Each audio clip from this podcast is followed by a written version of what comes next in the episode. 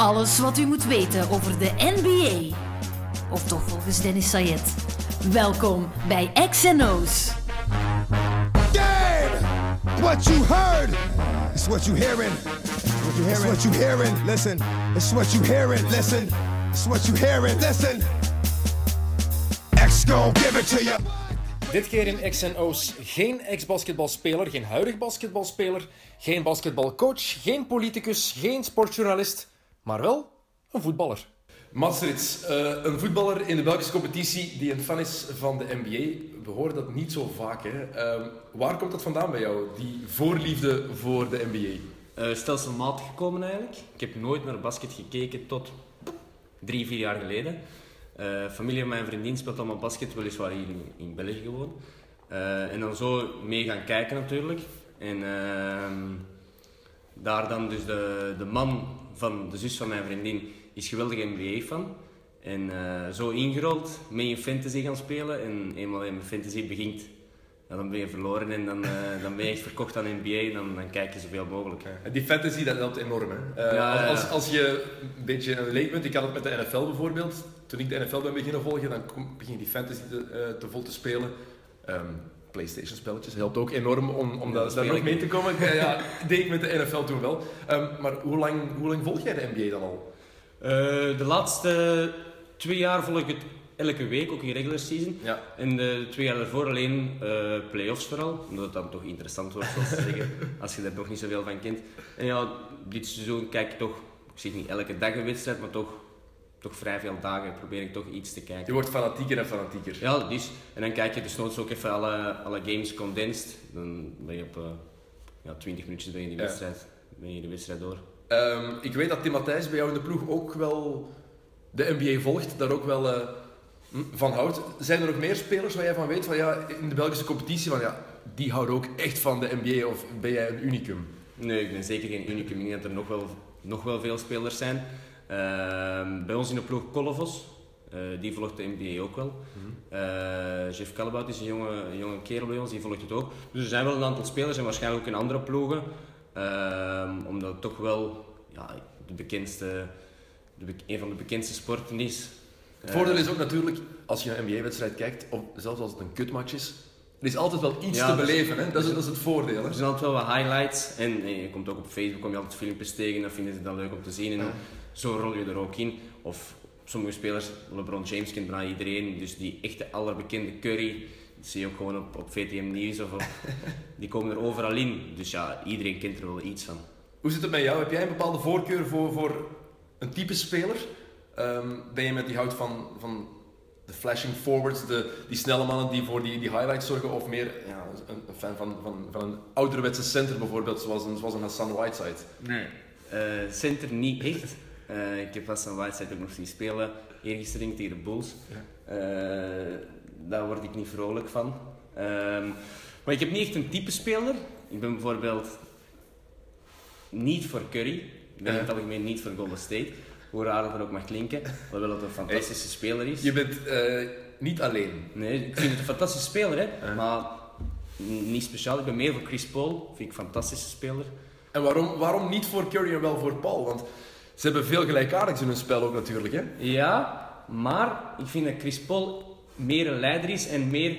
Wat, wat mijn soort van Curry is dat hij, hij shot de bal, hij loopt al weg terug naar, naar zijn eigen koord. Ook al gaat die bal er niet in, maar als het erin gaat, ja, dan nemen ze het in beeld en anders nemen ze het niet zo echt in beeld. Mhm. is te veel show voor wat hij doet. Het is natuurlijk ook zijn rol in de ploeg. Er wordt Ja. verwacht van hem. Hij is die shooter, terwijl Paul, de point guard zoals ze hem noemen, hij is echt het prototype van de ouderwetse point guard die iedereen rond hem echt beter maakt. hè. Dat Ja. is de kwaliteit van Chris Paul. Vind ik ook. En dan zie je ook wel, als het minder is of, of ook op defense, gaat hij toch ook sturen samen met die andere Jordan. Eh, Sturen zij echt de ploeg en dat vind ik minder bij Curry. Is dat iets wat bij jou ook een beetje samenhangt met jouw positie in het voetbal? Jij moet ook vaak creëren voor je ploegmaat. Is dat iets wat jou daardoor extra aantrekt of heeft dat, heeft dat er echt geen zak mee te maken? Ik denk dat het moeilijk is te vergelijken. Ik denk dat je wel een aantal andere dingen kan vergelijken. Bijvoorbeeld op stilstaande fases denk ik dat we wel veel naar NBA kunnen kijken. Hoezo? In, bijvoorbeeld eh blok zetten, is een beetje boxing out, zo'n dingen. En daarin kunnen we wel dingen leren van NBA. de NBA is een heel fysieke sport, maar toch mag je ook niet te veel aanraken, want dan heb je snel een fout. Ja, het hangt er echt vanaf. Het is echt, soms mag je echt erover gaan in het knokken.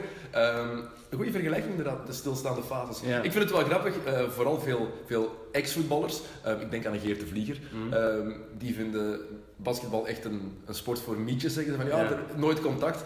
Dan denk ik van gast, je hebt nog nooit een NBA-wedstrijd gezien, want hoe daar geknokt wordt, het is soms een beetje te vergelijken met hoe het er Ja. in 16 aan toe gaat. Echt. ik zei vroeger ook, want eh zei ik al tegen Pieter Lordon, zei ik, ik, ik pleit hem altijd, dat is de sport van hij natuurlijk dubbele van mij groter is en dubbel zo breed.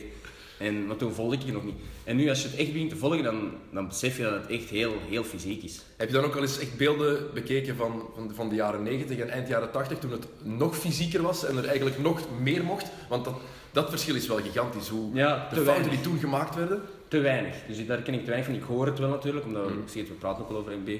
En dus daar hoor je wel ook van die trash talk en, en toestand. Ja, nu gebeurt er eigenlijk niks of je hebt direct een, te- een technical. Ja, zo, het moet heel geniepig gebeuren nu. hè. Dus er wordt wel iets wat, maar toch minder. Dat vind ik wel spijtig, want dat is altijd leuk om te zien. Maar ik heb er te weinig van gezien om van vroeger. Het is ook jammer dat ze daar zo streng op geworden zijn, vind ik. Het hoort bij sport. In het voetbal kan je dat constant doen, omdat Ja. je zoveel plaats hebt. De, vier scheidsrechters kunnen niet alles, alles zien. In het basketbal is alles natuurlijk korter op elkaar. De drie referees die meer Ja. in de gaten hebben.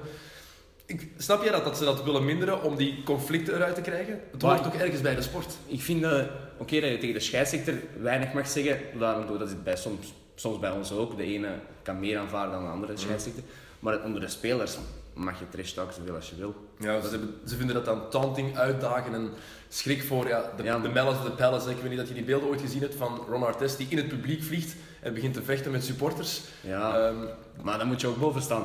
Bij ons zijn er ook supporters dat, dat roepen, maar spelers onderling, ja, dat hoort gewoon, dat hoort gewoon bij het spel. ja, elkaar, elkaar wat opjutten. Dat gebeurt bij ons ook. Als we voor de wedstrijd weten van die speler is, is emotioneel, dan zal de trainer makkelijk zeggen, jongens, zeg er maar wat tegen of, of geef hem eens een duwtje of zo. Als, als de scheids niet kijkt, ja, dat wordt gewoon gezegd. Ja, tuurlijk. Ehm, je zei daarnet geen fan van Curry, maar ook in het algemeen niet van Golden State. Nee. Ehm, ben jij een van die, die haters voor- tegen de Warriors? Ja, En komt dat door Kevin Durant? Is dat de grote reden dat hij, omdat hij naar daar is getrokken? Dat ze nu dat superteam gevormd hebben? nee, ik had het daarvoor al. Oké. Ehm, ja, je kan niet rond als ze goede spelers hebben. Ik vind niet omdat je, een, omdat je ze niet graag hebt, dat je niet kan zeggen dat ze, dat ze slecht zijn. Of dat ze niet goed zijn. Ehm, Kevin Durant is, was ik enorm grote fan van. Enorm, ook van OKC in het algemeen. Eh, nu is dat minder.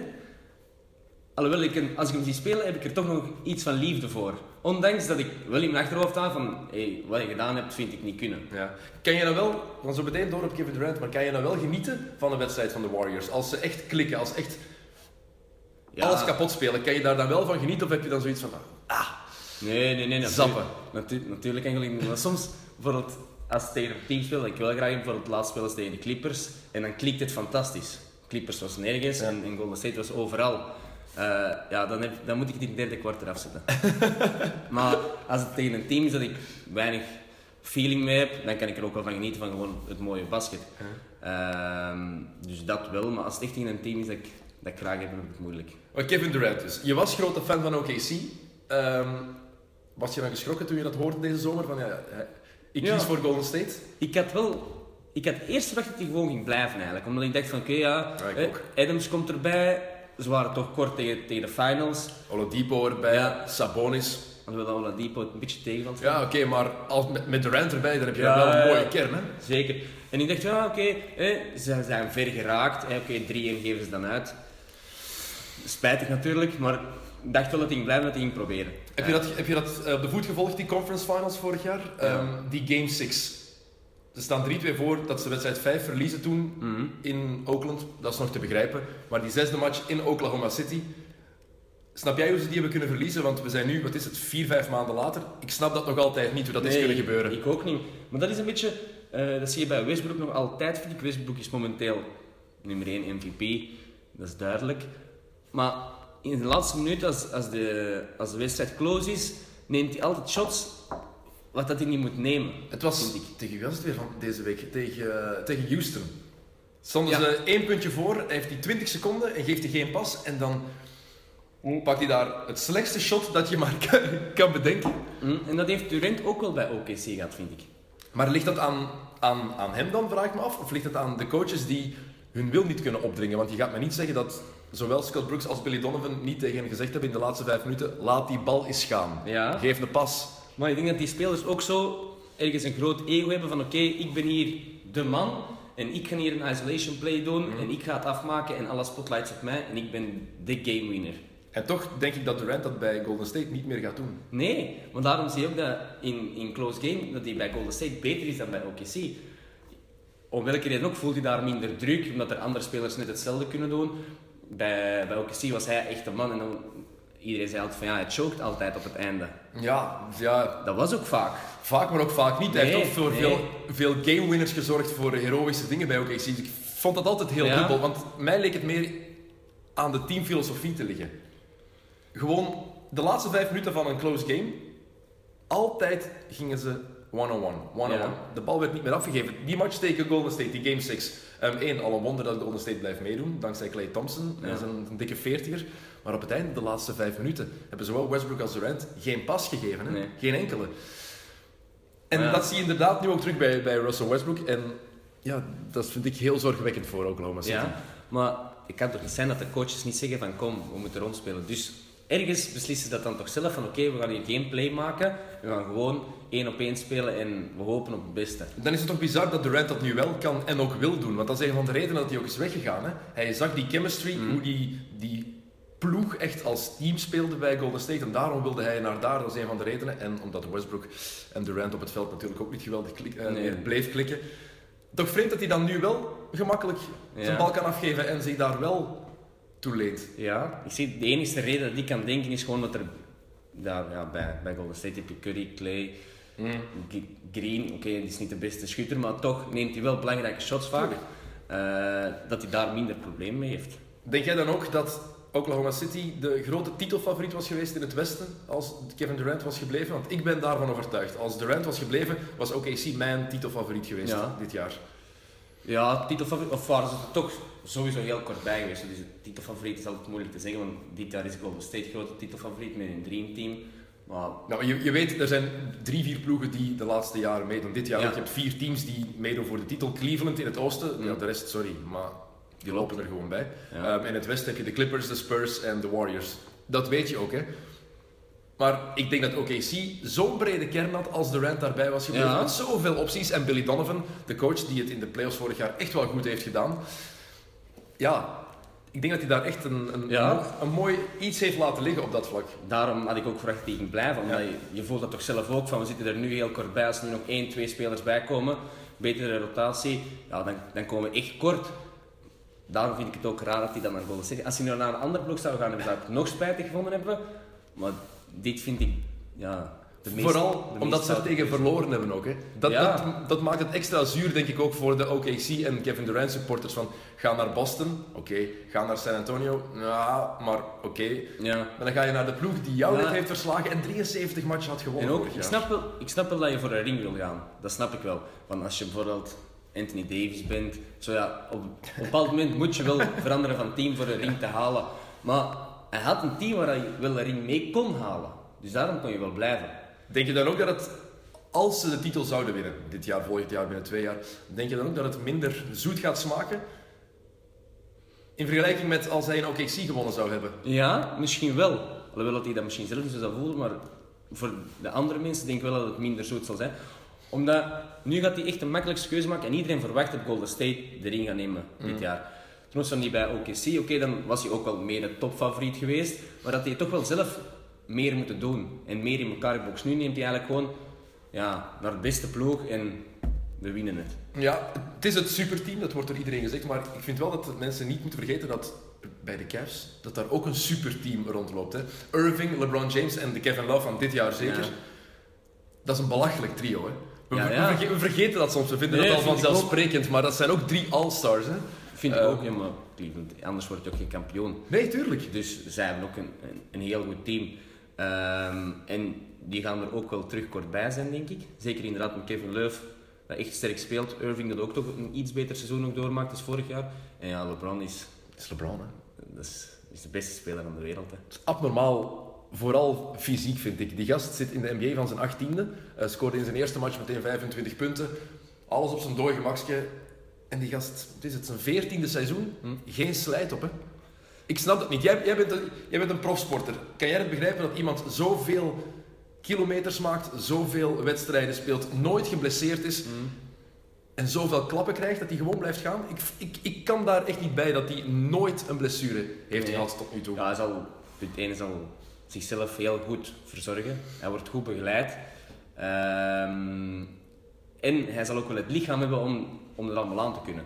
Want er zijn bepaalde mensen dat, ehm, dat gewoon elke, elke maand geblesseerd zijn. En dezelfde blessures halen constant. Dat heb je in het voetbal, heb je in het basket, heb je overal blessuregevoeligheid. Sommigen zijn niet gemaakt voor topsport. Hij zal dat extreem wel hebben. En ja, gewoon, gewoon goed verzorgen. Maar het is, het is waanzinnig als Hij leeft voor de sport. hoeveel minuten hij in zijn carrière al heeft, Ja. heeft gespeeld ehm, en is nog altijd maar 31. En hij zal, wordt er- hij zal wel eens rust nemen, maar ook in het tussenseizoen, ik volg hem dan op, op social media, dan is hij toch echt vaak aan het trainen ook. Het is ook echt een beest. Hè. Ik heb hem eh, het is tien keer live zien spelen of zo in de zaal en het is echt abnormaal. Hè. Ja. En dat wordt dan ook vaak gezegd van oké, ja, hij doet alles op het fysieke. Dat wordt, dat wordt een, beetje verweten, dus naakjes. Vind ik niet, alhoewel inderdaad dat het niet de beste shooter is en dat hij soms echt slechte keuzes daarin maakt ook. Maar ja, ieder zijn spel. Hij heeft niet het soepele dat een, een Kobe Bryant bijvoorbeeld Nee. wel had. Hè. Dat heeft hij niet. Maar wat veel mensen onderschatten, denk ik, is zijn basketbal-IQ. Het is een van de verstandigste spelers die er ooit Ja. heeft rondgelopen. Misschien wel de verstandigste. Ooit moeilijk om te zeggen. Je hebt een Larry Bird eh, bijvoorbeeld gehad, die ook zo slim was in zijn tijd. Maar hij ziet echt twee, drie plays op voorhand. En dat is wat de grote volgens mij echt nog... Ja. En ook, op, ook zoals ik zie, in defense is hij ook echt sterk. Hij, hij- ja, hij, het team draait om hem en het team luistert ook naar hem. En dat zie je ook wel overal waar hij komt, worden ze beter. Want Irving en Leuf was er voor hem ook al. En, en dat was toch niet het vanuit. En Ja, Love is daarna pas gekomen. Hè. Love hebben ze Love binnengehaald. Hè. Die hebben ze, Andrew Wiggins hadden ze gedraft en dan zijn ze Kevin Love gaan halen eh, om die big three ja, te ja, ja, vormen. ja, dat is juist. Eh, ik vind het vooral mooi als je ziet ook hoe hij nu iedereen nog... ja, het is altijd zijn grootste kwaliteit geweest. Hij maakt zijn ploegmaats beter. Ehm, het is zo'n cliché, maar het is wel iets dat ongelooflijk belangrijk is. En nu doet hij dat met Kevin Love nog net dat tikkeltje meer dan de voorbije jaren. Ja. En daarom voel je ook, wat bij Golden State ook hun grote kracht is, in mijn ogen. Naast het ploeg is dat een geweldige vriendengroep. Dat is bij Cleveland ook het geval. hè. Dat zijn echt maten Ja, maar naast het veld. Ik denk dat, dat James dat ook wel een beetje creëert. Of hij probeert dat ook altijd te Die creëren. filosofie daarin te Ja, en iemand dat daar niet in meegaat, die zal dan ook wel geruild worden of zoiets. Die gaat er dan ook wel uit. Of Maar- krijgt kritiek. Love had dat een paar jaar geleden. Hè? Dat hij het eerste jaar wilde hij niet helemaal mee. En dan kreeg je echt constant kritiek van, van LeBron op sociale media. Heel subtiel, maar Ja, ja, ja, je wist al waar het over ging. Ja, ja. maar oké, ja. hij kan het ook door zijn status. Maar toch creëert hij het op de een of andere manier, nu ook weer met Leuf, creëert hij toch die sfeer en die groep waar iedereen voor elkaar door het vuur wil gaan en, en ook elkaar de punten gunt. En zo kom je het verste. Toch maf dat één iemand daarvoor kan zorgen. Hè? Dat één iemand zo'n filosofie in een ploeg helemaal kan veranderen. Want hij is dan weg geweest naar Miami.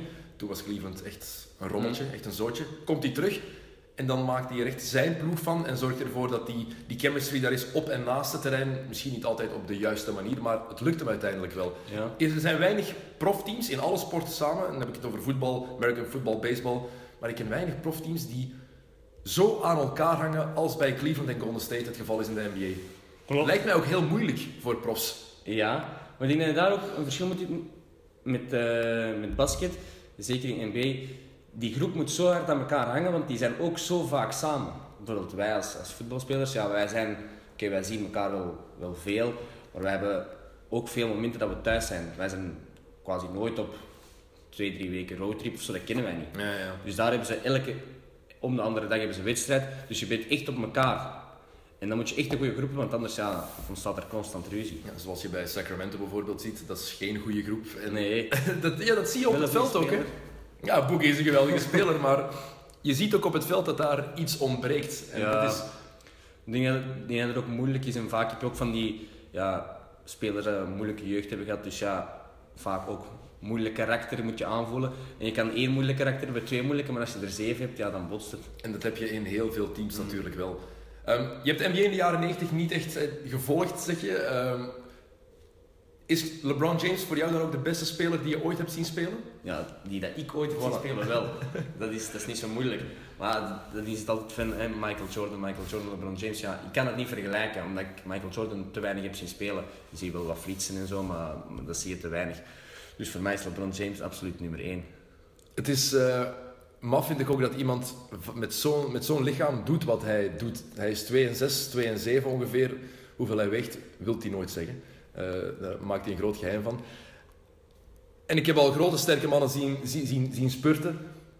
Maar bij LeBron, die versnelling, in die versnelling, in die versnelling. Het is iets dat je verwacht van gasten als Russell Westbrook en de gezonde Derrick Rose. Maar toch niet van iemand met, met zijn lichaam. Nee, nogmaals, dat is ook net het speciale eraan. En daarom is hij ook net zo goed. Waarom is eh Porzingis zo goed? Omdat hij net iets anders heeft dan zijn lengte. Alleen de andere spelers van zijn lengte. Dus ja, dat is net iets uniek. En dat heeft LeBron ook. Uh, Porzingis, je begint erover nu. Ehm, hoe meer ik die gast zie spelen, hoe leuker ik het vind om, Ja, hem bezig ja. te zien. Ik, ik snap niet dat iemand, nog iets, ook zoals met LeBron, ik begrijp dat letterlijk niet. Die is 2,21 hè, en die beweegt soepeler als ik. Ja, vorige week maakte hij toch een stepback. Ik weet niet meer tegen wie het was, ik heb het ook gezien. Twee tegen Sacramento was het. Ja, ja, twee crossovers en dan stepback. Dus dat zou niet mogen voor zo iemand van, met, van die Nee, lengte. het is dat dat ik net zeg, dat ben je niet gewoon en dat is ook niet logisch. En daarom is het ook net zo uniek, omdat je normaal op zo'n zo'n speler kan je op die manier verdedigen. Ah, Oké, maar nu laat je hem een beetje meer ruimte en hij trekt hem terug, ja dat verwacht je niet. En daarom is hij ook net zo goed. Heb je al veel gezien van eh, New York dit jaar? Van, eh van aantal hun wedstrijden? En wat, wat vind je daarvan? Vind je dat aangenaam om te zien, de niks? Eh, ik vind het aangenaam dat ze, als ze voorbij jaren, dat is logisch. niet zo moeilijk. Nee, maar ik vind wel dat ze, dat ze een goed team hebben. Ik vind inderdaad dat Roos ook wel zijn wedstrijden speelt. Hij is niet, hij is niet meer zoals vroeger, dat zal ook nooit meer gebeuren. Ehm, maar ten opzichte van vorig jaar is hij toch veel verbeterd. Ja, ik heb altijd mijn, mijn twijfels bij ja, die aankooppolitiek, ook bij de Knicks nu. Ehm Derrick Rose is gekomen, ja, die gast is al vier jaar kapot. Mhm. Ehm, als je de Bulls hebt gevolgd, ze waren geweldig tot Rose zijn knie oplies in eh, 2012. Dus, en dan halen ze Noah, die ook al jaren aan het afbreken is, en geven ze die 70 miljoen voor vier jaar. Ja. Terwijl alle andere clubs maximaal 18 hadden geboden. Waarom, ik, ik, ik begrijp dat niet, dat ze daar echt niet beginnen beseffen van... We hebben al vroeger zoveel geld uitgegeven Ja. aan spelers die kapot waren, we gaan dat nu niet meer doen. En Nee, toch, Zeker aan Noah. ja, dat is toch korte termijn denken. Je Ja. weet dat je binnen, binnen vijf jaar niet meer op Noah en Rose moet rekenen. Als je een beetje realistisch bent, weet je dat. Nee, alhoewel dat Roos nog wel iets meer waarde heeft dan Noah, vind ik momenteel. Ja, dat is waar. Ik denk dat Roos nog wel, wel goed op niveau speelt. Hij is niet meer een superster, maar hij speelt wel gewoon, gewoon zijn wedstrijd en gaat terug naar de ring. Een beetje zoals vroeger. Hij denkt alleen nog te vaak dat hij een superster is. Dat is het enige wat New York wel parten kan beginnen spelen. Vrees ik. Ik heb veel van Chicago gezien, de voorbije jaren ook. En dan zie je de Derrick Rose, die denkt dat hij nog altijd de MVP is. Ik snap dat ook, dat hij zo denkt. Als je, Ja. als je de beste speler bent geweest en je komt terug van een blessure, je, je denkt niet ineens dat je slechter bent. Hè. Nee, maar dan gaat hij toch, dan gaat hij toch nu al moeten merken.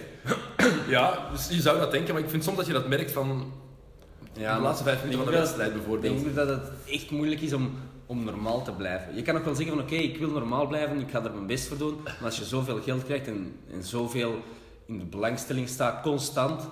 Ten eerste is het heel moeilijk, denk ik. En ten tweede, je gaat automatisch... Denk je dat het zo moeilijk is om echt met je voet op de grond te blijven? Ik denk niet dat dat makkelijk is. Oh, waarom denk je dat? Dat vind ik interessant, van, zeker om van een profsporter te horen, waarom hij dat denkt van als, die, als je echt miljoenen naar je hoofd gegooid krijgt. Ja, omdat je toch automatisch ga je andere dingen doen. Mhm. Dus je gaat anders leven, wat ook logisch is. Er is, Ja. er is een verschil met eh 5000 euro verdienen en, en t- 20, 25 miljoen euro verdienen. Dus dat is een groot verschil. Dus je gaat automatisch een andere levensstandaard houden. En ja, er zijn zoveel mensen dat je bewieroken, dat je automatisch een beetje meegaat, denk ik. Ik weet niet meer wie het eh, pas zei. Ehm, maar dat is geen probleem. ik weet niet meer wie het pas zei. Ehm, John Wall was het van Washington, die de kritiek had op eh, zijn ploegmaat. Die zei van ja, we vechten jarenlang om opgemerkt te worden, om een beurs te krijgen op de universiteit, om een kans te maken om naar de NBA te gaan. Heel onze jeugd knokken we om daar te geraken. En dan nu zijn we er, zijn we mil- miljonairs en dan willen we niet meer alles geven, elke dag opnieuw. Dat zie je bij sommige teams echt wel, dat ze ja, de night off nemen. Ehm, San Antonio had dat tegen Chicago van de week, waardoor Popovic redelijk hard eh, uit de hoek kwam. En terecht, want ik kan hem daar wel in volgen. Vind jij dat ook, dat dat, dat het eigenlijk niet moet mogen dat je als NBA-speler op één avond zegt van nee, vanavond niet? Nee. Want het, het is wel een slopend seizoen. Kijk naar Golden State afgelopen nacht. snap, ik, ik zeg het, daar hink ik een beetje op twee gedachten. Ik vind wel, of dat je nu veel betaald wordt of weinig betaald, dat staat er los van. Ik vind dat als je topsporter bent, moet je elke, elke wedstrijd proberen te winnen. Dat, als je op het veld komt, dan zeg ik altijd tegen iedereen, je kan een enorm slechte wedstrijd spelen, maar werk zo hard als je kan. Die drive toon- moet daar wel zijn. toon dat je echt wil. En dan kan je nog elke bal verliezen, maar toon dat je wil. Ehm, langs de andere kant, wij hebben één keer of twee keer in de week een wedstrijd. Zij hebben soms back-to-back games. Het is niet altijd makkelijk, denk ik, om dan altijd top te zijn. Zeker met die vluchten daar ook nog eens bij. Mentaal is dat denk ik moeilijker. Fysiek kan je nog wel zeggen van oké, ik ga mijn best doen, ik ga mijn best doen. Maar mentaal, om elke keer op te laden, is niet altijd misschien gemakkelijk voor die jongens. Vooral dat je, dat je ook weet van het is het reguliere seizoen, een matchje meer of minder winnen. Maakt vaak niks uit. Nee, maar eigenlijk zou je dan als topspeler moeten zeggen van oké, laten we dan gewoon rusten. Want op het veld staan en, en dan toch zeggen van pff, ga het even zo laten vanavond. Eh, dan kan je beter iemand anders zitten, eh, een jonge speler, en wat minuten gunnen zodat die ook beter wordt. Wat je misschien later in de playoffs met een blessure of gewoon dat je die nodig hebt, extra kan gebruiken omdat die het al gewoon is. Zoals Greg Popovich eigenlijk al jaren doet. Ja. En daarom dat ik zijn kritiek wel terecht vond. En ik vond dat hij dat ook mocht zeggen. Omdat hij iemand is die zijn jongens inderdaad die rust gunt. Van Ja. ja. jij, avondje, vrij, blijf maar zitten. Dan mag hij dat ook verwachten dat zijn jongens Ja. altijd 100% Ik gaan. vind ook dat dat aan de speler is voor zelf te zeggen. Ja? Ja, vind ik wel. Ik vind dat dat mag. Toch zeker als je eh, echt belangrijk bent voor je ploeg en je zegt van ik voel me even echt niet goed. Je moet wel een van de go-to guys zijn dan. Ja, ik vind dat als je, als je elke wedstrijd eh 30, 35 minuten speelt, ja, dan is het logisch dat je iets een diepje hebt en dat je mentaal en fysiek op bent. Dat kan. Dan moet je ook kunnen zeggen of openlijk kunnen, kunnen praten met je coach en zegt coach, moeilijk voor mij. Ja. En dan moet de coach ook wel in meegaan, denk ik. Eh, er zijn discussies in de NBA ook over het, over het schema. Hè. 82 matchen worden er nu gespeeld in het Mhm. reguliere seizoen. Volgens velen is dat te veel. Vooral die opeenvolging, zoals Golden State afgelopen nacht, vierde match in vijf dagen, Mhm. met vluchten tussen. Dat is gewoon slopend voor een, voor een menselijk lichaam. Zelfs voor een prosporter die perfect begeleid wordt en alles krijgt wat hij moet hebben, alle goede voeding heeft, dat blijft gewoon belachelijk zwaar. Vind jij ook dat er bijvoorbeeld zeven matchen minder op een jaar moeten zijn? Denk ik wel. Ik zeg het, ik kan, kan me daar eigenlijk moeilijk in, ja, in inbeelden hoe dat, dat moet zijn, want zo kennen we niet, ook al zijn we ook profsporter.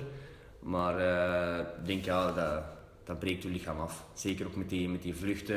En inderdaad, die jongens hebben genoeg plaats en alles en, eh, en die zullen speciale kousen dragen en zo. Maar eh, Ja, het is zo. Ja. En ijs, ijsmachines, maar echt van die, ja, ja, ja, van die maffe bakken waar ze in kruipen. Ehm, maar ik vind het altijd inter- interessant. We hebben er op de redactie heel veel discussies over. Eh, ik vooral met de voetbaljournalisten, eh, met de voetbalcommentatoren, want ik doe zelf ook nog genoeg voetbal. Maar ehm, als er dan geklaagd wordt door bepaalde clubs over ehm, de opeenvolging van wedstrijden. We spelen Europees en dan moeten we in het weekend ook nog spelen. Ja. En dan hoor je heel veel begrip daarvoor. En ik ga er altijd wat tegen in, omdat ik zeg van... Hey, kijk naar de NBA met alle respect van ja, het zijn kortere wedstrijden. Ja, je, en ze kunnen wisselen en dat is allemaal anders. Maar je kan niet, je kan niet bijvoorbeeld zoals een spits, als je een wedstrijd helemaal gedomineerd wordt, een bal niet raken. Je kan eigenlijk een hele rustige dag hebben, of een hele Mhm. rustige avond hebben. Als speler, als topspeler zeker, gebeurt dat niet. En je hoort ze in de NBA daar zelden of nooit over klagen. Het is zo, het is onze job, we hebben een fantastische job, we genieten daarvan. Ja, Ja. we zijn vermoeid en dat kan gebeuren. We gaan het voelen vandaag en dan zeggen ze van ja, het was wat, we waren wat vermoeid vandaag, maar dat is het dan ook. En een coach hoor je daar nooit over klagen in de NBA. Nee. Ik Niet, vind dat, is, is dat zo'n foute vergelijking? Ja, dat weet ik niet. Dus ik, nogmaals, ik kan alleen maar denken hoe dat is in voetbal, in, Ja. hoe dat, dat is in NBA, hoe dat je lichaam dan op die wedstrijden voelt, dat zou ik totaal niet weten. Ehm, maar ik denk dat het wel een verschil is. Bijvoorbeeld, ik weet dat Perdom doet daar soms zijn beklag over van Aansbroek, omdat het vaak is, zij, zij hebben dan wedstrijden extra en 10, 12 ploegen uit de, van de 16 uit competitie hebben dat niet. In NBA is iedereen hetzelfde en iedereen heeft een gelijk aantal wedstrijden, dus iedereen is even vermoeid. En ik denk dat, dat daar wel een verschil in zit. Je bent dus de eerste die dat ooit tegen mij gezegd heeft. Hè? Echt, de, mijn voetbalcollega's die beginnen dan vaak over, maar het is een andere sport en je kan dat niet vergelijken en voetbal is zoveel vermoeiender, bla bla bla bla bla. Jouw punt vind ik, kan ik aanvaarden. Ja, ik weet niet of dat Ja, zo het, is, maar het, is, vermoeiender is. het is inderdaad logisch. Dat is inderdaad niet echt eerlijk in het voetbal, ook al wil je maar al te graag Europees spelen. ja, ja. En vecht je daar elk jaar voor. Maar het is inderdaad wel, die gelijkheid is daar voor, eh, voor elk team. En daarom dat er ook com- commentaar komt soms op die beslissingen van Greg Popovich bijvoorbeeld om spelers te rusten. Uh, Stan Van Gundy, de coach van Detroit, heeft het pas nog gezegd. Uh, onze jongens in de NBA verdienen miljoenen, verdienen goed geld en verdienen geld om 82 matchen te spelen. Als je niet geblesseerd bent, speel dan ook. Dat vind ik niet. Want ja, oké, misschien voor Detroit wel, omdat ze misschien niet echt playoff kandidaat zijn, of, of misschien net wel. Uh, voor de Spurs, ja, regular season is maar regular season, zoals we daarnet zeiden. Dus zij pieken naar de playoffs en dan is het wel handig om, om je topspelers af en toe eens een wedstrijd te rusten. we zeggen altijd, het is maar regular season, maar we moeten dat ook niet te hard onderschatten. Ik heb, dat zelf, ik heb soms het probleem dat ik dat ook een beetje te hard onderschat, denk ik. Want het mooie aan het reguliere seizoen is net dat je ziet hoe alle ploegen vorm beginnen krijgen. Ze zoeken een manier van spelen. Je ziet dat nu bij San Antonio heel duidelijk. Je ziet dat bij Golden State. Die zijn nog aan het zoeken naar wat juist is, de juiste rotaties, de juiste plays. En dan zie je Cleveland en dan weet je, die mannen moeten niks meer zoeken. Die weten perfect waar ze mee bezig zijn. Mhm. Alles staat daar vast.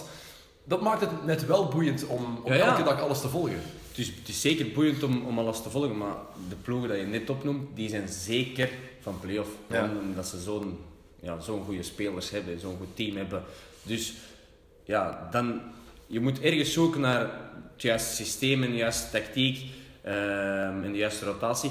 Maar af en toe moet je ook een speler laten rusten. Want nogmaals, het piekmoment ligt ja. in de playoffs. Maar neemt dat die waarde dan een beetje weg in de NBA, die spanning, zoals nu bijvoorbeeld de Eastern Conference? We gaan er allemaal vanuit dat Cleveland de finals haalt en het is ook 90% kans meer waarschijnlijk. Mhm. Ja, waar is die spanning dan? Vraag ik me soms af en ik ben een NBA-freak, dus maar soms als je daar even gewoon rationeel over begint na te denken... Ja, dan staat het al vast. Dat is toch... Ja, dat Om, toch vreemd, voor zeker voor een competitie waarin alles eigenlijk redelijk eerlijk verdeeld is ja, qua middelen. Dat wil ik ook net zeggen. Van, in, in het voetbalgebeuren heb je dat minder. Iedereen kan zomaar kopen eigenlijk wat dat ze willen. Als ze het geld hebben, kunnen ze het kopen. Uh, of, soms zelfs ook als ze het geld niet hebben. um, en in, in NBA is dat eigenlijk allemaal redelijk eerlijk verdeeld. Maar toch, sommige ploegen zijn nu eenmaal aantrekkelijker. Kijk naar de beslissing van Kevin Durant. Hij had ook kunnen kiezen om naar Boston te gaan. Mm. Dan had hij in het oosten twee ploegen die hadden meegedaan. Eh, ik had het ook wel tof gevonden, eerlijk gezegd. De Celtics, nog eens zo'n grootheid daar, uh, daar naartoe. Um, gebeurt dat niet?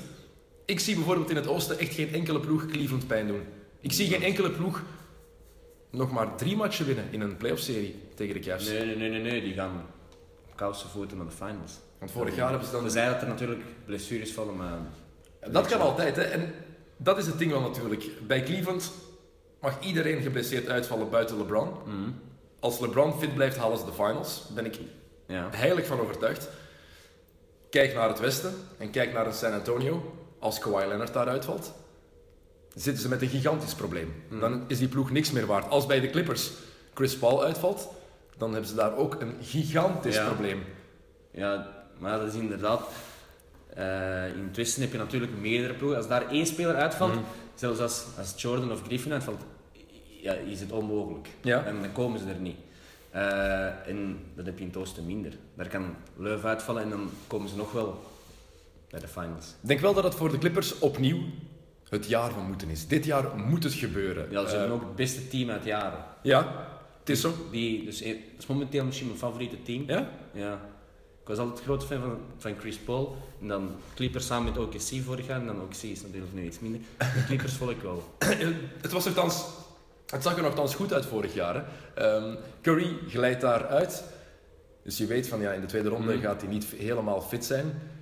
De Clippers staan voor tegen Portland. Je denkt van dit is de kans voor LA om eindelijk voor het eerst die conference finals te halen.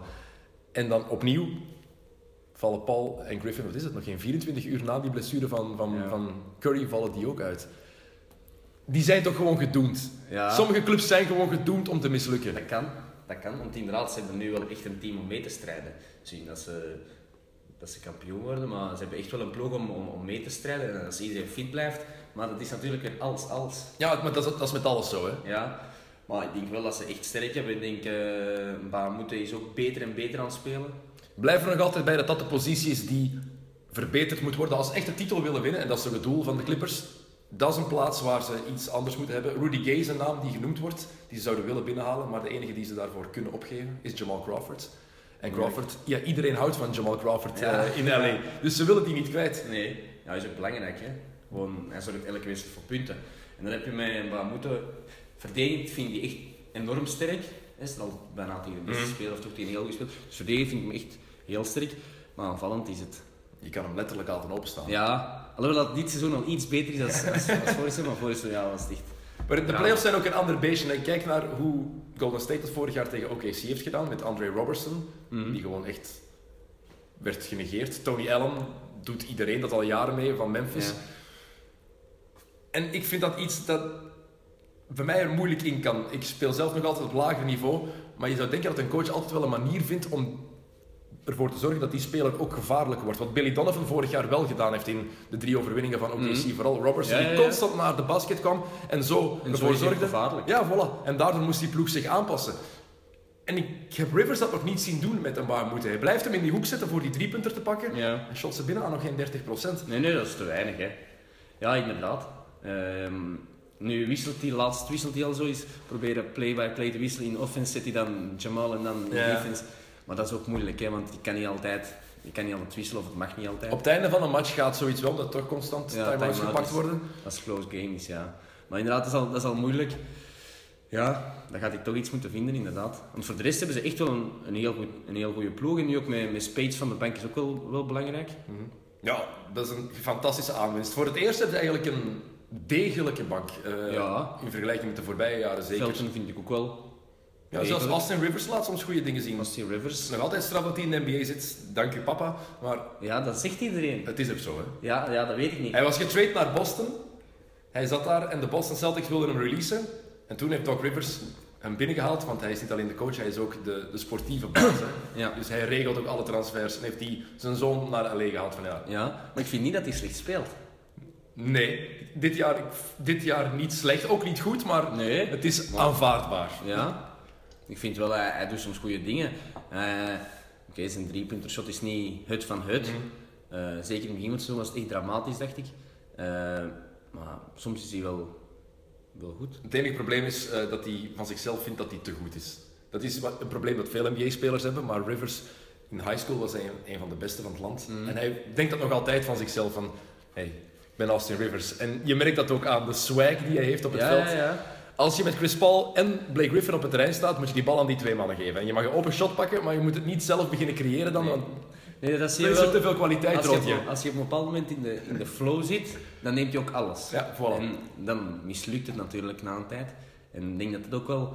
Daar moet hij zijn plek kennen. Ja, het enige probleem ook daar is ehm, ja, de chemistry ook. Hè. In de kleedkamer, je zit met gasten als DeAndre Jordan en Blake Griffin. Twee heel aimabele mannen. ehm, heel goede vrienden ook. Dan heb je Chris Paul, die daar extra achter zit. Ehm, ik weet dat je fan bent van Paul als speler, maar het is niet de meest aangename ploegmaat.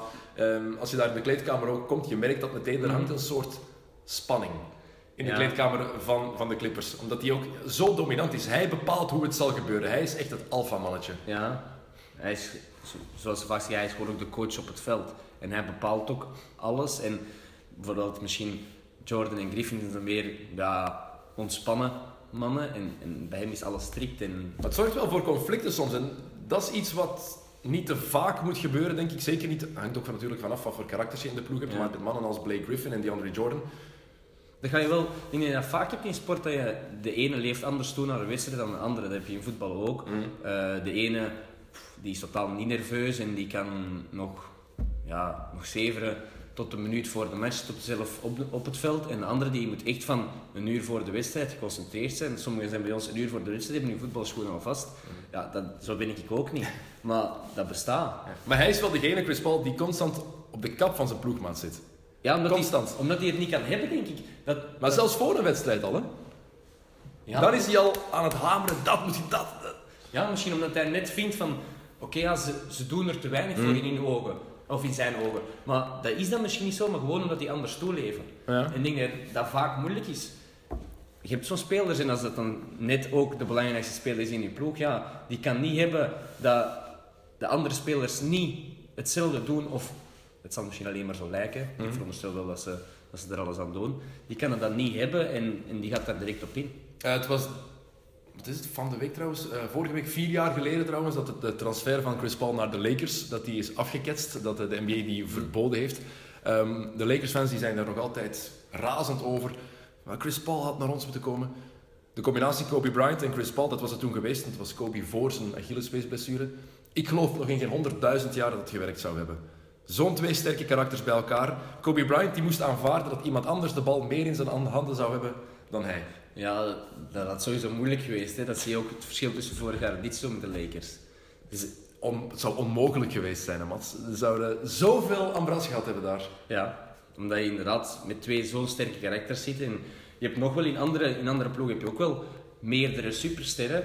Maar ja, dan, dan zullen dat toch makkelijkere jongens zijn. Het moet op het veld ook werken. Hè? Ik bedoel, Ja. Als iemand de bal veel in zijn handen wil hebben, wat het zo is bij Chris Paul, wat zo was bij Kobe Bryant, ja, dan weet je dat dat niet gaat, dat, dat, dat die, die combinatie gewoon niet werkt. Nee. Het is heel simpel. Alhoewel je soms wel denkt dat het niet zo lukt, bijvoorbeeld bij Chicago had iedereen er bang van. Met, Ja. met Wade en Butler, wie wordt dan nu de man? Ja. Maar toch klikt het goed.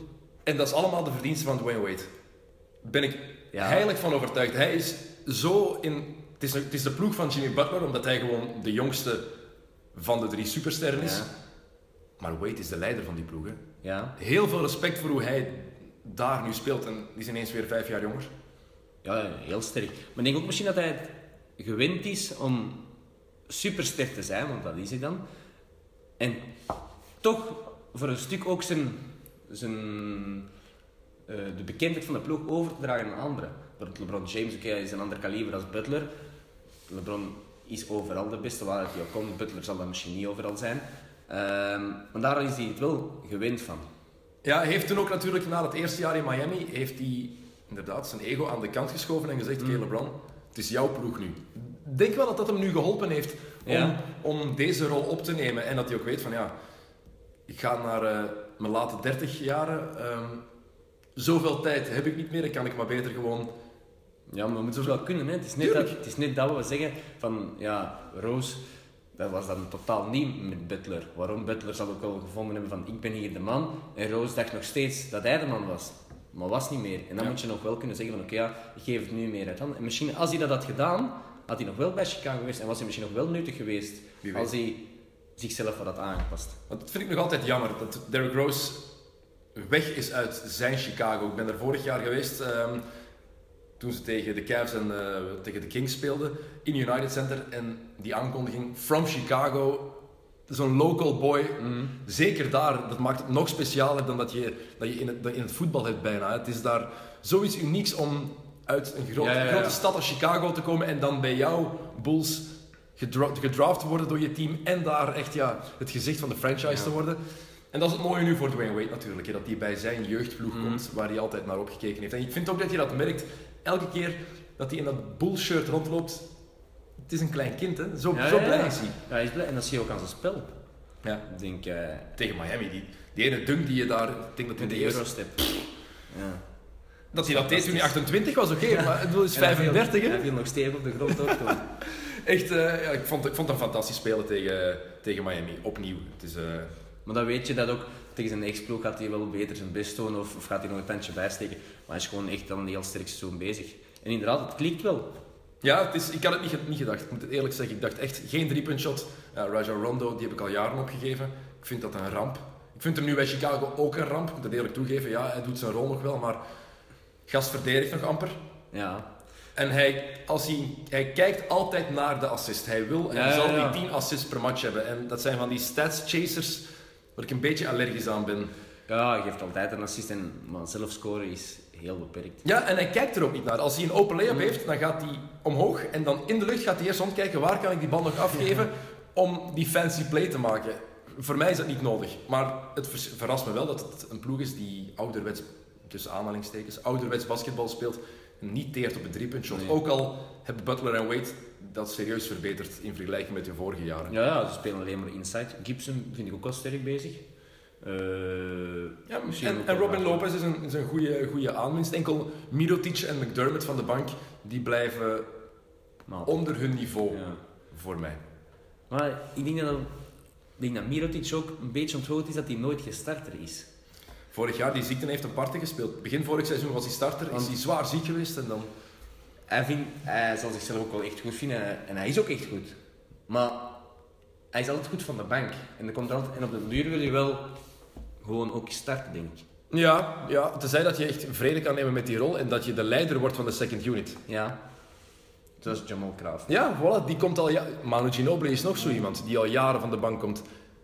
En dan ook gewoon excelleert in die rol, dat hij beseft van nee, dit is nu mijn moment en ik mag eigenlijk bij wijze van spreken doen wat ik wil, want ik ben de leider van de ploeg die op het veld staat nu. Ja, maar dat moet je kunnen. Hè. Je moet dat echt een klik maken in je hoofd. Van oké, ja, ik, ik word nu Sixth Man of the Year en ik, en ik focus me daarop. Weet je wie dat niet zou kunnen? Russell Westbrook. Ja, maar dat is ook een uitzonderlijk talent. Hè. En vannacht geen triple-double na zeven op een rij. Kan jij dat inschatten hoe uniek dat is voor een basketballer om een triple-double te halen en dat vooral te doen door elke keer 30 punten te scoren? Ja, ik kan het een beetje inschatten natuurlijk. Dat het, gewoon door basket te volgen, dat het uniek is. Je, je moet alles doen. Hè? Hij, hij doet ook echt Hij alles. doet ook echt alles, inderdaad. Eh, en daar is ook wel op gebrand, nadat Durant weg was, van kom, ik ga toch nog tonen dat, dat ik het ook alleen kan. Ook al is dat eigenlijk onmogelijk. Hadden ze meer van Oladipo verwacht, maar dat komt er weinig uit. Ja, Eh, Adams speelt gewoon degelijk. Dus Adams speelt zijn rol. Hè? Ik had wel niet gedacht dat eh, Westbrook zou bijtekenen. Ik dacht ook dat hij zou vertrekken. Dat hij Ja. zijn jaar gewoon zou uitspelen, want hij zou free agent worden na dit ja. seizoen. Ik dacht echt van, ja, die is ook weg. Oké, ik zie eens lottery ploeg binnen, binnen twee jaar. Klopt. Maar dat, dat siert dan wel Westbrook. En ik denk dat hij daarom ook wel... Het is een echt competitiebeest. Dat zie je ook, anders zou je ook nooit niet altijd in triple-doubles komen. Hij shot, hij weet het is, het is te kort. Hij gaat er als een gek achter voor zijn eigen rebound. Dat is belachelijk, hè? hoe hij daar ook achter gaat. Hè? Ja, maar hij- je voelt het ook direct, ik denk dat het ook logisch is. Eh, en veel spelers zouden zeggen van nee, dat is niet voor mij. Maar, maar hij doet dat wel, hij is echt een competitiebeest. En daarom ook, er was zoveel om te doen geweest dat Durant weg was, dan zegt hij van... Hij heeft zich nog eens extra opgeladen van ik ga het hier tonen en, en dan tekent hij bij. Echt clubliefde. Het is iets wat volgens velen niet meer bestaat. Is ook In alle sporten samen. Ja. Geloof jij daar wel nog in, in echte ouderwetse clubliefde? Want dat moet het zijn voor Westbrook ook. Oké, in, in combinatie met de drang om zichzelf te bewijzen van nou, Durant is weg, ik zal het nu eens laten zien hoe het is als het mijn team wordt. Maar toch bestaat het nog wel, hè? Ik weet het niet. Ik denk dat het ook echt moeilijk is. Ik, weet, ik kan moeilijk zeggen van, van in eh, basket of in andere sporten, maar in voetbal denk ik ook dat dat moeilijk is. Op duur, als er iets anders komt, wil je altijd ergens een stap hoger op. Sportief, punt 1.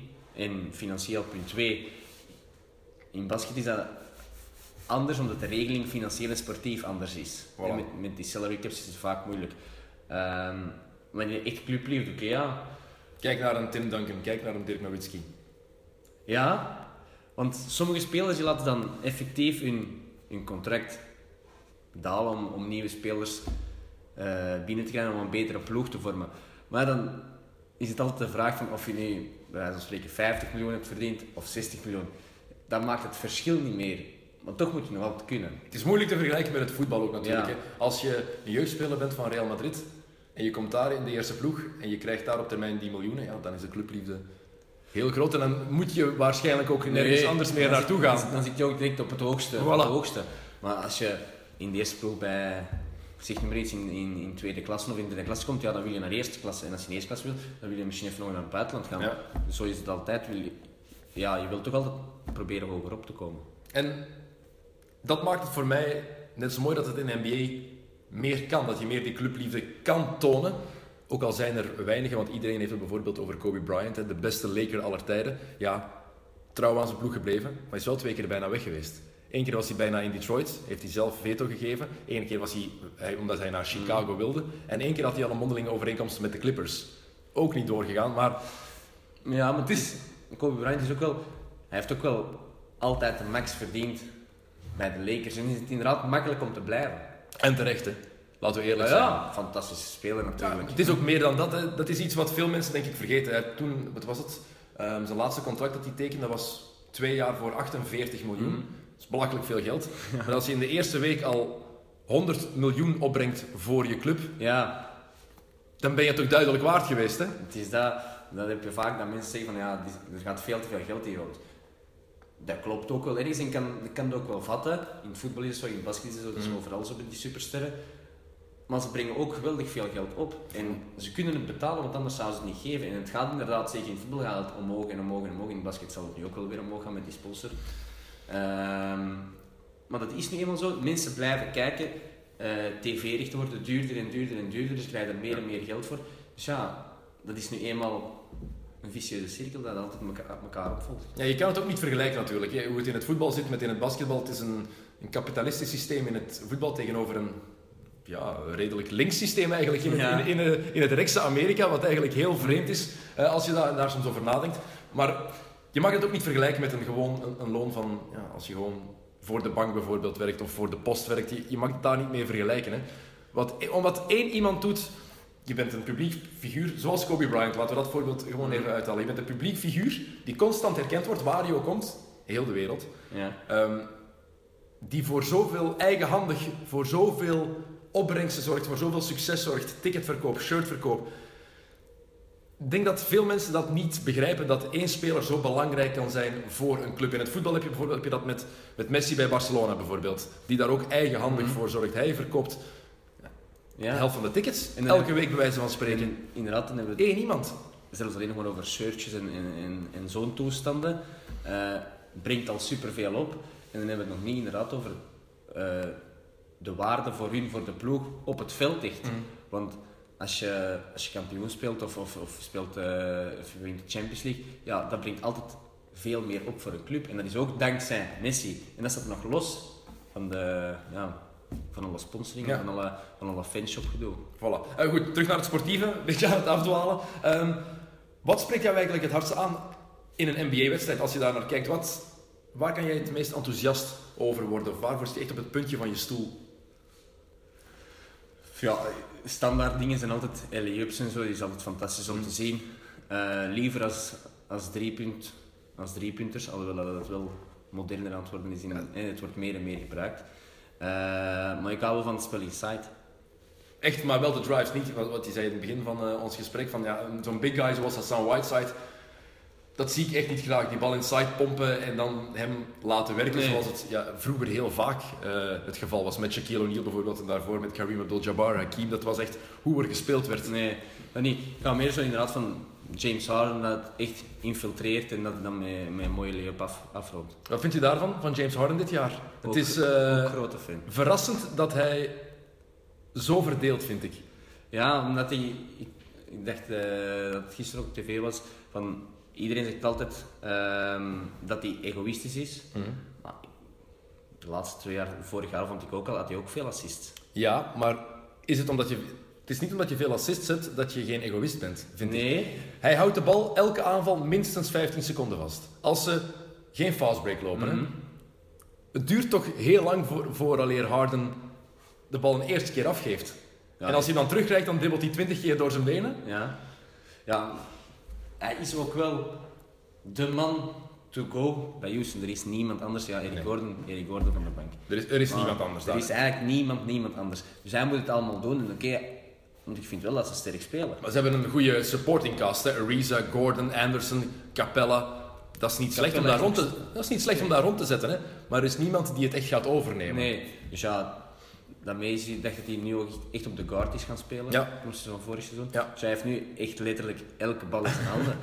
maar ik vind wel dat hij sterk speelt. Dat is Mike D'Antoni ook natuurlijk, hè, de nieuwe coach. Dat is offense, offense, offense. En dat is perfect voor James Harden. Hij moet Ja. niet verdedigen. Nee, alhoewel dat daar vaak op wordt gefocust, vind ik. Terecht. Ja, dat hij niet goed verdedigt. Maar dat is totaal... Messi verdedigt ook. Maar dat, is dan, dat kan je niet vergelijken. Bijzonder weinig. kan je niet vergelijken. Nee, een basketballer je- moet aanvallen en verdedigen. Ja. Hè? Altijd. Ja, dat is waar, maar volgens mij neemt elke superster wel iets. Trouwens, dat is het, eh, het ding waar- ik mij altijd aan stoor bij Messi. Dat hij, als hij de bal niet heeft, gewoon stilstaat. Dat is Ja. iets waar ik niet tegen kan. Ja. En dat is bij James Harden. Defense in basketbal gaat over effort. Inzet. Gewoon laten zien dat je ervoor gaat. En als er iemand aankomt en je gaat er met zo'n slap handje naartoe. Ja. Ja, dat heeft hij vaak. Niet En dat is iets waar, waar, waar veel basketballers zich in mijn ogen toch terecht aan storen. Want je Ja. moet aan beide kanten van het veld je ding doen. Ja, maar daarom zal hij ook nooit niet zo'n superster worden dan bijvoorbeeld LeBron James. Waarom? Dat hij dat wel heeft. Hij is aanvallend enorm sterk, maar ook verdedigend enorm sterk. En dat is een beetje het probleem bij Harden. Maar die inzet bijvoorbeeld, kijk, Stephen Curry is niet de beste verdediger. Maar hij zet zich daar wel hard op in. Ook niet op defensief vlak. Hij gaat niet, als iemand op hem afkomt, gaat hij niet slap naar die bal eh, slaan of helemaal uit de weg gaan. Tenzij het LeBron James is of zo natuurlijk, die over zijn kop gaat springen. Dan moet iedereen uit de weg ja. gaan, laat dat duidelijk zijn. Maar anders gaat hij wel voor die steal gaan of die fout maken om geen easy basket toe Maar te dat laten. denk ik ook wel dat het- dat een beetje met het ploeggebeuren te maken heeft. Niemand zal binnen de Houston Rockets zeggen tegen, tegen Harden van, van andere spelers, eh, even op zijn kop geven van eh, kom, verdedigen vriend. Dat, wordt, dat durft niemand echt goed. denk ik. Ten opzichte van Golden State, als Curry niet verdedigt, dan gaat Draymond Green, je maakt je volledig kapot. Ook al is dat Stephen Curry, eh, twee keer MVP, unaniem, alles wat je wilt, maar dat maakt niet uit voor Draymond Green, want die zit zo in zijn spel en die maakt je vo- volledig af. En terecht. Ja, ja, vind ik ook. Maar dat gebeurt daar bij Rockets niet, denk ik. Ja, ja, ik kan het me wel in vinden. Ik denk dat Dwight Howard dat nog wel gedaan heeft. Het klikte dan ook niet tussen die twee en dat zal er misschien ook wel iets mee te maken hebben. Ehm, als je James Harden ziet spelen, ik heb het toch tenminste, ik blijf het altijd denken, en ook al is het zoveel jaar later, wat als die samen waren gebleven hè, bij OKC. Harden, Ja, Durant, Dat Westbrook. ik, ja, dat Oh. wordt nu ook altijd vaak... Het is toch zo? Ja, het is zo. Maar ja, kan je dat betalen? Toen, ze konden dat toen betalen. Het ding is, ja, je kan, je kan alles betalen. Spelers die je in je ploeg hebt, kan je verlengen. Maar dan moet je gewoon, als je over de salary cap zit, over het salarisplafond, dan moet je tax betalen, een boete betalen. Bij het geval van Harden, ze hebben toen voor Ibaka gekozen om hem te verlengen, Harden te laten gaan. Het ding was, ze hadden hem zeker nog één jaar kunnen houden onder zijn huidige contract. En als ze hem dan hadden laten bijtekenen, hadden ze één jaar, één jaar tax moeten betalen. Eén. Dat is slecht. Om Harden, Westbrook en Durant samen te houden. Ja, dat was fantastisch geweest. Hè. Maar je weet ook natuurlijk nooit niet wat hij dezelfde evolutie had gemaakt en wat hij nu maakt. Het was niet de superster geworden die hij nu is, denk Nee. ik. Er waren nog twijfels bij hè, toen Houston hem aantrok. Toen dachten de mensen van... Is hij wel echt een go-to guy? Hij kwam vorig seizoen nog van de bank. Six man of the year, Ja, oké, maar... Ja, maar dat, dat is het net van. ehm, hij maakt dan een keuze om echt ja, de nummer 1 te worden. En dat maakt hij dan wel ergens zwaar, vind ik. Maar hij heeft die keuze... Dat is het ding net, wa- waarom ik het zo jammer vind. Hij heeft die keuze niet zelf gemaakt. Die is Nee. voor hem gemaakt. En ik denk dat hij perfect, als hij was gebleven, als ze zijn contract verlengd hadden, dat hij met plezier die rol was blijven spelen om 35 minuten per match wel te spelen, Mhm. maar van de bank te komen en zo de Manu Ginobili eigenlijk te worden van Oklahoma City. Ja, ze waren sowieso super sterk geweest dan. Hè. Ze hadden zeker ook. al een titel gewonnen. Ja. 100% zeker. Ja, dat is, dat is inderdaad heel jammer. Zeg, het enige wat je, wat je moeilijk kan inschatten, was hij ook zo geëvolueerd zoals hij nu is. Zo, nee. Dat denk ik ook niet. Omdat je hebt minder de bal en hoe meer je de bal hebt, hoe meer vertrouwen en hoe beter je wordt. Ja, je speelt met Westbrook en Durant samen, dus je, moet, je veel moet die mannen al minder 25 shots per match geven. Ja. Ja, en dus, dus jij denkt dan van ja, we zouden de superster Harden gemist hebben. Ja, want ik vind het wel, eh, ik vind wel eh, een leuke man om naar te kijken. Ehm, ga je zo laten, want ik heb nog een paar dingen die ik je wil vragen. Ehm, we hebben het al even over Golden State gehad, je hebt de naam Draymond Green laten vallen.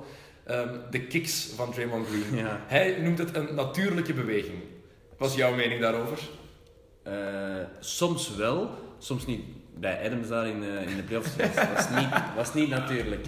Maar nu laatst had hij er nog eentje en dat kan ik dan eerder natuurlijk noemen. Maar nu wordt er zo ja, gefixeerd en, en, en zonder een vergrootglas gelegd dat hij met zijn benen iets doet, dat het altijd een kick is en dat het altijd ja, wordt besproken. Jalen Rose en Chelsea Billups die zeiden van ja, hij doet dat gewoon om zijn atletisch vermogen te compenseren. Hij, hij, hij raakt niet zo hoog uit stilstand, wel als hij komt aanlopen, als hij op snelheid is, dan wel. Maar als hij echt gewoon uit stilstand omhoog moet gaan en zo probeert hij zichzelf in evenwicht te houden. Ik vond het een hele vreemde uitleg. Dat kan misschien wel zijn, maar je hebt bepaalde fases gehad dat het, dat het bewust is geweest. Ja, en vorig jaar in de finals, in de wedstrijd, wat was het vier, ehm, dat die LeBron even in de kloten tikt. Het is gewoon achterlijk, hè. Ja, Het is gewoon een en ja maar dat is ook- briljant van James. Dat is ook net Draymond Green. Die is zo belangrijk voor die ploeg door zijn, door zijn energie dat hij levert. Maar hij is ook zo emotioneel. Daarom haalt hij ook veel technicals. En daarom doet hij ook zo dingen dat hij gewoon even zwart wordt voor zijn ogen. Ik denk ook niet dat hij super slim is of zo. Dat, zo ziet hij het toch niet. Eh, wordt het zwart ogen en ja, dan, dan doet hij domme dingen wat eigenlijk ook de ploeg schaadt op die moment. Want oké, hij brengt veel bij door zijn energie, maar soms schaadt hem ook door zo'n dingen te doen, te emotioneel te reageren. Maar ik denk wel dat als hij niet emotioneel kan spelen, dat hij nog niet de helft van de speler is die hij nu is. Hij heeft dat echt wel nodig om zo, zo hard te gaan. Ja, want hij is geen geweldige speler. Maar je ziet hem ook wel beter worden. Geen, maar waarom zeg je dat? Geen geweldige speler, want ik ben het daar niet mee eens. Waarom ja, vind maar hij je... is, hij is heel belangrijk voor Golden. State. Dat vind ik wel. Maar je kan hem nooit bijvoorbeeld in een ploeg maken zoals James Harden is geworden. Jij moet, de- jij moet het hier doen. Je bedoelt niet, hij is niet de go-to guy die Nee. 35 punten gaat scoren en 15 rebounds per match. Nee, dat geloof ik niet. Ja, ik, ik snap je redenering. Hij ziet er ook niet uit als... Dat wil toch niet zeggen dat hij niet super belangrijk is, want dat is hij wel. En Golden State heeft hem echt wel nodig, want zonder, zonder Green wordt het heel moeilijk, denk ik. Dus hij is wel echt heel belangrijk. Misschien even belangrijk als Curry of Durant, maar op een andere manier. Hij is de op één na beste verdediger in de NBA. En dat is iets wat veel mensen niet zien, omdat ja, Ja, hij wil de beste worden dit jaar. hè. Ja, ik snap het ook wel. Twee jaar geleden had hij het moeten zijn, voor mij, in mijn ogen. Omdat Kawhi Leonard toen ook een heel deel van het seizoen gemist had. Ook al is Kawhi met voorsprong de beste verdediger Ja. die ik de laatste tien jaar gezien heb. Op zijn positie, langer zelfs, sinds de goede Ron Artest. Voor hij van naam begon te veranderen en helemaal begon te flippen. Was, eh, was, was, die, was die fantastisch. En ja, wat Kawhi doet is waanzinnig. Elke match kijk je met open mond naar hoe hij verdedigt. Klopt. Ehm, met die gigantische handen. Ja, dat wou ik met zeggen. Dat is echt abnormaal. hè. Ik heb hem tijdens de finals gezien, drie jaar geleden. En ja, even met hem gebabbeld, zijn hand gegeven. Was weg, hè. Ik heb nu niet, geen kleine handen. Helemaal weg. Mijn handen zouden helemaal weg zijn. Dat is vreselijk. Dat is echt bizar. Maar wat, wat Green daar doet op dat, dat deel van het terrein, ik denk dat mensen dat onderschatten. Hij verdedigt elke positie. Hè. We weten Ja, dat. LeBron dat doet, maar LeBron is een beest. Draymond Green is niet de atleet. Draymond Green heeft een buikje. Hè. Ik heb dit jaar ben in de kleedkamer van Mhm. de Warriors geweest, een paar matchen. Green heeft een buikje. Geen probleem. Voor mij toch niet? Nee, voor Eh, mij ook niet. Als Als je zo speelt. Voilà. Eh, maar dat is toch jammer dat dat, dat, dat door de modale NBA van toch een beetje vergeten Nee. wordt of niet opgemerkt wordt? Nee, het wordt wel opgemerkt, denk ik. Maar er is een verschil met zeggen van, oké, ja, het is een fantastische speler en verdedigend super. En aanvallend ook wel. Ik vind wel dat hij echt goed speelt met wat hij kan. Hij verdeelt, hè. Ja. En ook, hij, hij neemt ook wel zijn shots en die vallen ook nog vrij vaak binnen ook, dat hij daar op, op de punt van de driepunt staat. Ehm, en hij is super belangrijk voor Golden State, maar nogmaals, hij gaat niet inderdaad de to-go guy zijn in een andere ploeg. Heb jij nog bepaalde spelers van de NBA dit jaar die jou enorm gecharmeerd hebben? Buiten de, de grote namen waar we het al over gehad hebben? Ik denk aan bijvoorbeeld, voor mij, maar dat is al jaren zo, Giannis Antetokounmpo van Milwaukee. Die zit in mijn fantasy. Ik ben daar zo door geïntrigeerd. Door Ja. die gast. Elk jaar opnieuw wordt hij beter, letterlijk groter, letterlijk. Dus dat is belachelijk. Die is al 8 centimeter gegroeid in zijn tijd in de NBA. Sterker en sterker. Heb jij nog zo'n jongens? Of is het Janis die voor jou, eh, jou Ja. ook wel be- bekoort echt? Zeker. Die, die, die is gewoon echt heel sterk. Maar die moet ook dan weer van ploeg gaan veranderen, vind ik. Vind je? Ja. Dat komt... Ik vind wel dat je, als je zo'n toptalent bent, dat is net met, met Davis ook zo'n toptalent, ehm, die moet, bijvoorbeeld met, met Towns vind ik dat moeilijk- moeilijker, of, of minder, want die hebben wel echt een goede ploeg, wat misschien in de toekomst nog wel iets kan worden. Maar bij die anderen voel ik het niet echt. En dan kan je wel naar een andere ploeg gaan. Niet per se naar Golden State, maar, maar wel een Ze ploeg die kans maakt. Eerst willen ze natuurlijk een, een vet contract krijgen. Hebben ze, hebben ze wel Davis altijd als Antetokounmpo. Wat heel begrijpelijk is. tuurlijk. Ehm, en dan hopen ze dat daar rond gebouwd wordt. Hè. New Orleans ben ik het mee eens, het wordt niks. Milwaukee, het duo Parker Antetokounmpo. Ik denk echt dat dat potten kan breken. We hebben het over Towns Wiggins, ploeg van de toekomst, duo van de toekomst. Ik denk echt Parker Antetokounmpo, die twee. Als je die samenhoudt, als die gezond blijven, die zijn allebei 22. Hè. Het zijn snottapen, hè. Dat is zo. 22 jaar en die spelen al 3 en 4 jaar in de NBA. Ja, ja, maar je ziet ook dat, dat ze daar nog wel stappen maken elk jaar. En dat zijn de echte goeie, want je hebt, veel spelers dat ook gedraft worden en dat dan uiteindelijk zo blijven, recht blijven of naar beneden gaan. Maar zij komen toch elk jaar beter. Ik, eh, ik vind niet dat ze die weg moet gaan uit Milwaukee. Ik, hoop dat, ik zou het tof vinden moest daar die ploeg nog eens echt boven water komen, moest daar eh, echt nog eens iets van komen. Ehm, ik wil nog één ding weten eigenlijk. Wie zit er allemaal in jouw fantasyploeg? Ik weet al dat Janis Antetokounmpo daarin zit, maar zijn er nog, welke, welke spelers heb jij nog in je team? Chris Paul, Ja? die zit er altijd bij. Eh, Pas goede 20, 20 punten, 20 assists, 0 Ja. turnovers. Goeie, goeie fantasyavond. Ja, ja, heel. Ehm, ik heb er twee. Ik zal even snel kijken. Ehm, En doe je dat met, met vrienden gewoon of met vrienden uit het voetbal of is het gewoon met... eh, eh, eentje met vrienden uit voetbal en eentje met, eh, samen met dus de een van mijn schoonfamilie dat Ja. ook de NBA volgt. En met allemaal basketters, vrienden van hem, en dan ben ik daarmee ingerold. Zalig. Ehm, Chris Paul, Jimmy Butler, Kawhi, Giannis, Cousins, Walker, Love, Irving, Plumlee en Gortat. Dat is een beestige ploeg, man. Ik sta ook al eerst. Ja, ik wou net zeggen, met, met zo'n team.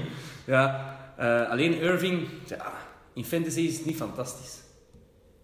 Ja, de laatste weken snap ik. Ja, de laatste week Ja, in het begin, vooral. In het begin was in het begin hij... was hij echt goed. Maar, en dan, ja, je moet altijd wel...